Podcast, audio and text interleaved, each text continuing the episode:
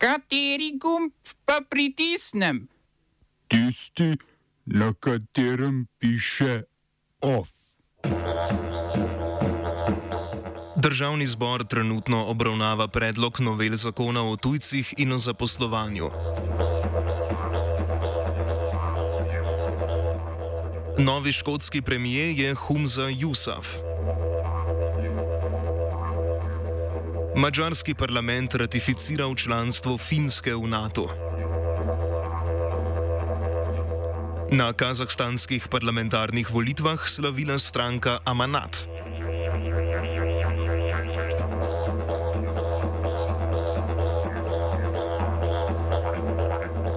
Dobr dan. Na škotskem je novi premijer postal Hamza Jusaf, ki je na mestu vodje škotske nacionalne stranke nadomestil Nikolo Sturgeon, ki je po osmih letih vladanja februarja letos odstopila.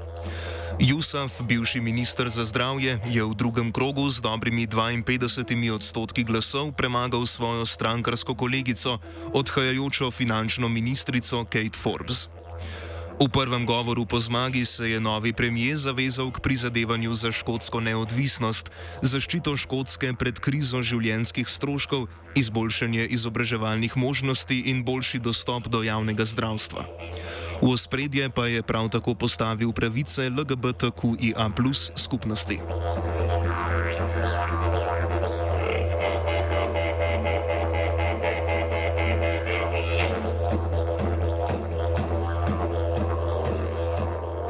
Mačarski parlament je po več preložitvah s 182 glasovi za in s šestimi glasovi proti ratificiral članstvo Finske v zvezi NATO. Gre za 29. članico Evropske unije, ki je to storila, Finsko mora ratificirati le še Turčija. Mačarski parlament je danes razpravljal tudi o ratificiranju Švedske, a glasovanja o tem na dnevni red niso uvrstili. O ratifikaciji Švedske se bosta dogovarjala mačarski premijer Viktor Orban in turški predsednik Recep Tayyip Erdogan. NATO je Finsko in Švedsko k članstvu sicer povabil julija lani, ko sta obe državi izrazili željo po vstopu v zvezo zaradi vojne v Ukrajini.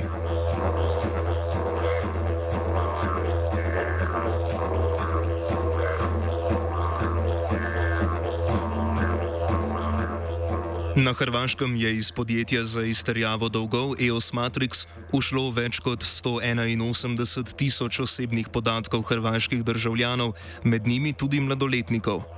Hrvaška agencija za varstvo osebnih podatkov je prejela anonimno prijavo o sumu, da si večje število podjetij, ki delujejo na Hrvaškem, izmenjuje svoje baze podatkov. Iz omenjenega podjetja so po poročanju hrvaškega spletnega portala Index ušli podatki več kot 18 tisoč ljudi. Ti zajemajo njihova imena in priimke, osebne identifikacijske številke, datume rojstev ter ne samo podatke dolžnikov, ampak tudi sodolžnikov in porokov. Prav tako so v bazi podjetja tudi podatki otrok, ki jih sodišča niso določila za dediče. Tako naj bi podjetje namreč zbiralo podatke o bodočih potencijalnih dedičih. Gre sicer za največje uhajanje osebnih podatkov na Hrvaškem doslej in že drugo večje uhajanje podatkov iz podjetij za izterjavo dolgov v državi.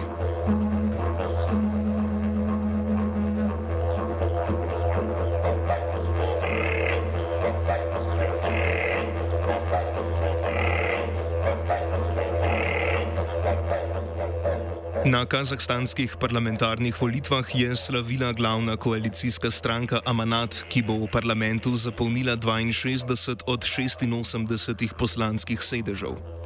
Poleg te bo v parlamentu še pet drugih strank, ki bodo imele od 4 do 8 sedežev. Na tokratnih parlamentarnih volitvah je veljal nov sistem glasovanja, zaradi katerega je bilo 69 poslancev zgornjega doma parlamenta izvoljenih preko strankarskih list. 29 članov spodnjega doma je bilo izvoljenih v posameznih volilnih enotah. Predčasne parlamentarne volitve so bile izpeljane zaradi spremembe ustave septembra lani. Ta je bila spremenjena zaradi protestov v Kazahstanu konec januarja 2022, ki so iz demonstracij zaradi zvišanja cen goriva prerasli v proteste proti vladi, v njih pa je umrlo več kot 200 ljudi. Smo se osamosvojili, nismo se pa osvobodili. Naslednje štiri leta še 500 projektov. Izpiljene modele, kako so se strani nekdanje LDS rotirali. Ko to dvoje zmešamo v pravilno zmes, dobimo zgodbo o uspehu. Takemu političnemu razvoju se reče udar. Jaz to vem, da je nezakonito, ampak kaj nam pa ostane? Brutalni obračun s politično korupcijo. To je Slovenija,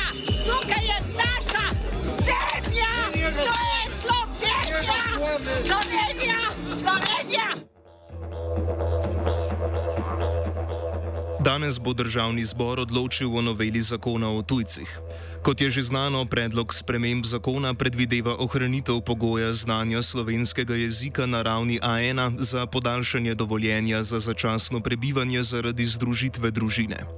Določba je diskriminatorna, saj državljanom Evropske unije in Švicarske konfederacije, za razliko od državljanov tretjih držav, za podaljšanje dovoljenja za prebivanje ni treba izpolniti pogoja znanja jezika. Odbor za notranje zadeve je včeraj dokončal sejo obravnave novel zakona o tujcih in o zaposlovanju tujcev. Seja je bila v petek prekinjena, da je koalicija lahko uložila amantmaje k zakonu.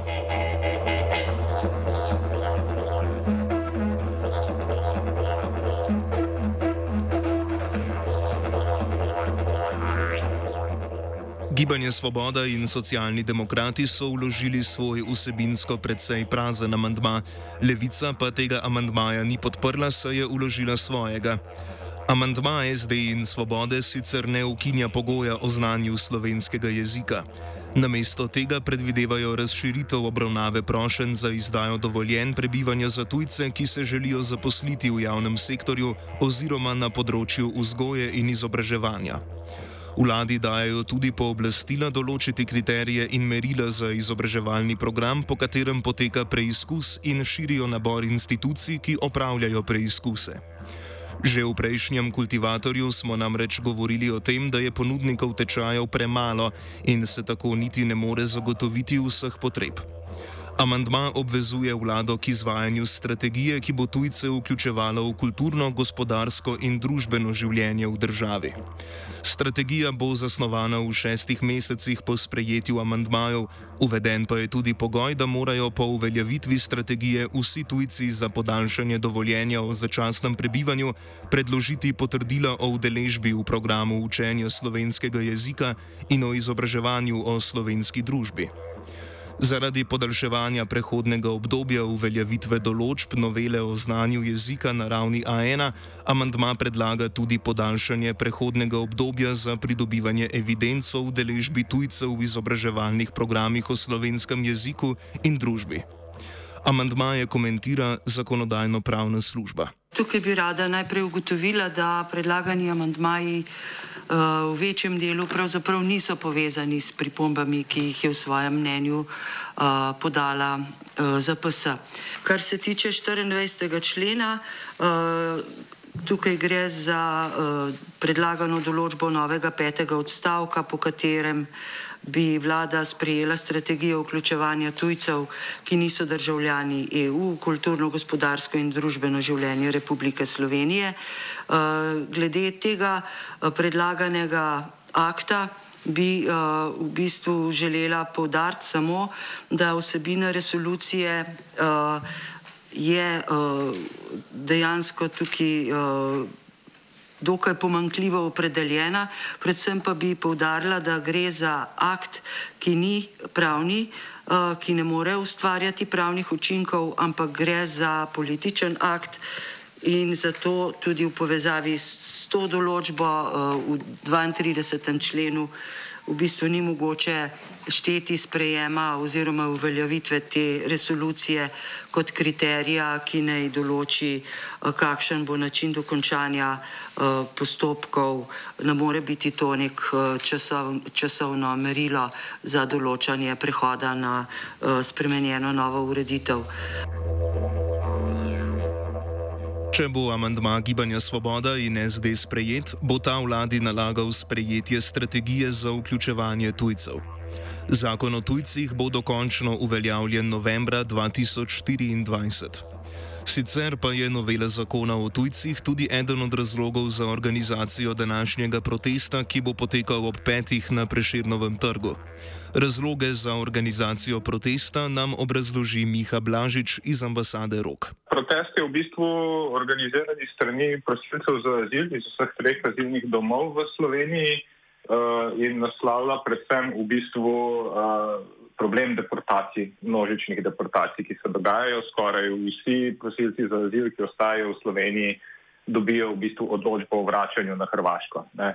Se pravi, Slovenija pravzaprav onemogoča skoraj vsem, bi, ki so prišli skozi katero koli drugo ozemlje v Slovenijo, da bi lahko tukaj dejansko pač bila njihova prošnja za azil obravnavana. To je glavna stvar. To so ljudje, ki so v deportacijskih postopkih in uh, zahtevajo, da se ti ustavijo predvsem zaradi nasilja na Hrvaškem, ki so ga deležni. Um, seveda so pa tukaj tudi druge teme širše. Ne? Eno je v bistvu samo delovanje azilnega sistema, izredno slabi pogoji bivanja, 18 evrov na mesec žepnine uh, in pa uh, seveda novela zakona o tujcih, uh, ki se tiče pa v bistvu vseh tujcev in tujih delavcev v Sloveniji, ki jim uh, praktično onemogoča združevanje z družino ali pa jim to zelo otežuje. Družinskim članom, pa, ki že bivajo v Sloveniji, narekuje, da morajo narediti tečaj slovenskega jezika v manj kot enem letu, če hočejo ostati v državi. Kongres Nove ljudske stranke Slovenije oziroma NLS je potrdil združitev stranke Slovensko demokratsko stranko. Predsednik stranke NLS Franz Kangler je napovedal, da bo sprožil postopek izbrisa stranke iz registra, vseh 400 članov NLS pa bo postalo del SDS. Kangler je napovedal tudi kandidaturo za predsednika mestnega odbora SDS v Mariboru. Zaradi pridružitve NLS se bo SDS povzdignila v Mariborskem mestnem svetu in se svetniško skupino župana Saša Arsenoviča številčno izenačila. Sporazum o pridružitvi sta predsednika strank Kangler in nekdani premijer Janez Janša sicer podpisala konec februarja letos.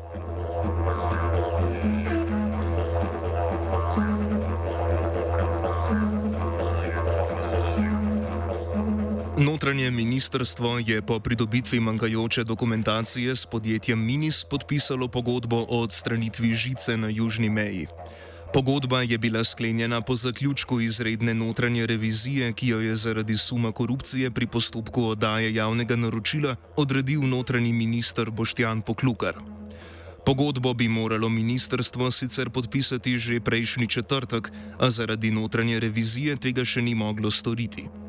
Minis je sicer bilo izbrano na javnem razpisu za odstranjevanje ograje na južni meji, ki ga je novembra lani razpisalo notranje ministrstvo. Gre za podjetje, ki je prav to žico leta 2015 tudi postavilo.